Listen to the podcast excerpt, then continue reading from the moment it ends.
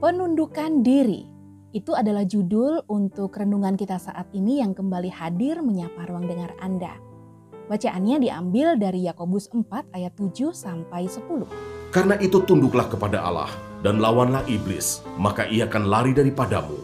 Mendekatlah kepada Allah dan ia akan mendekat kepadamu.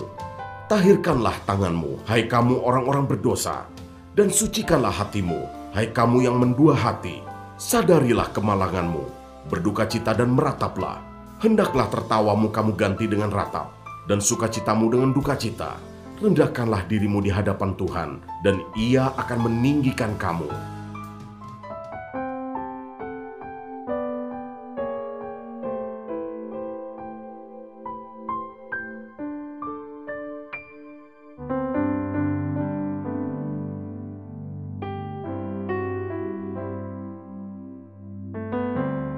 Karena itu tunduklah kepada Allah dan lawanlah iblis, maka ia akan lari daripadamu. Yakobus 4 ayat 7. Pendengar terkasih, sebagai makhluk sosial tentunya kehidupan kita akan selalu bersentuhan dengan orang lain yang berbeda karakter dan pemikirannya. Kita tentunya juga membutuhkan orang lain untuk memenuhi kebutuhan hidup. Dan orang-orang yang bersentuhan dengan kita tidak selalu memiliki pemikiran yang sama dengan kita Hal tersebut bisa menimbulkan konflik. Orang-orang percaya dituntut untuk memiliki hati yang beres, yaitu hati yang tidak dikuasai oleh hawa nafsu yang jahat, sehingga apabila terjadi konflik, maka konflik itu tidak akan meluas. Untuk memiliki hati yang seperti itu, yang harus dilakukan adalah menundukkan diri kepada Allah dan mengizinkan Dia mengerjakan hati kita.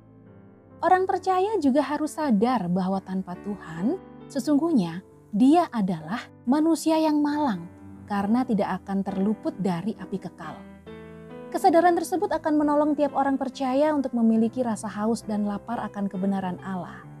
Ketika keinginan untuk hidup dalam kebenaran Allah sudah ada, maka Allah akan memuaskannya, sehingga hidup dalam kebenaran Allah menjadi suatu kebutuhan bagi orang percaya, dan akan menjadi masalah jika orang tersebut hidup dalam ketidakbenaran. Sikap inilah yang disebut dengan sikap rendah hati, yaitu bersedia hatinya dilembutkan oleh Allah dan dibentuk kembali menjadi hati yang baru dan jika sudah tiba saatnya, Allah akan memakai orang-orang yang sudah lahir baru untuk melakukan pekerjaannya.